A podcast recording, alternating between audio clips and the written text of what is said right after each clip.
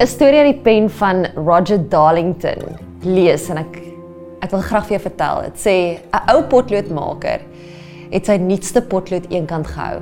Net voordat hy op die punt was om dit in die boks te pak, het hy homself voorgestel dat die potlood 'n jong seun was. En hy het 'n paar kosbare lewenslesse te vir hom geleer. En hy sê toe, daar's 5 dinge wat jy moet weet. Hy sê vir die potlood voordat ek jou in die wêreld instuur, onthou altyd hierdie 5 dinge. Moet dit nooit vergeet nie.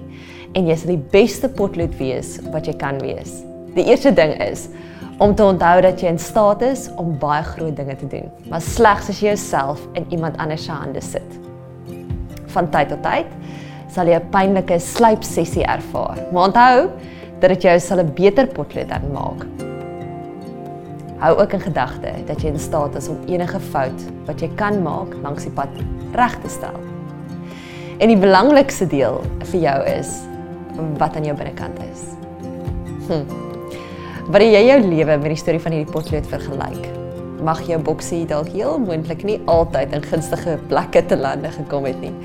Dit mag dalk voel dat jy in meeste gevalle in verkeerde hande gesit is en dat jou skerpmaak sessies jou geknou het 'n klein onbruikbare stukkie potlood.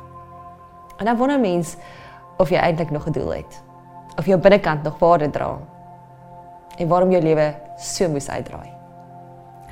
Nou Joyce Meyer sê altyd, die lewe is nie regverdig nie, maar God is goed.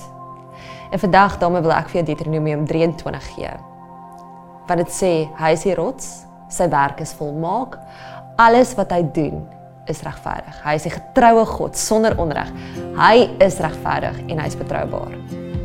So wat sê ek vir jou vandag? Vandag is dit baie belangrik om te onthou.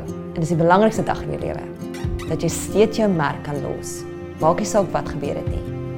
Gebruik die oppervlak wat God in guns het vir jou en wat hy dit vir jou gegee het. En kom ons maak ons merk.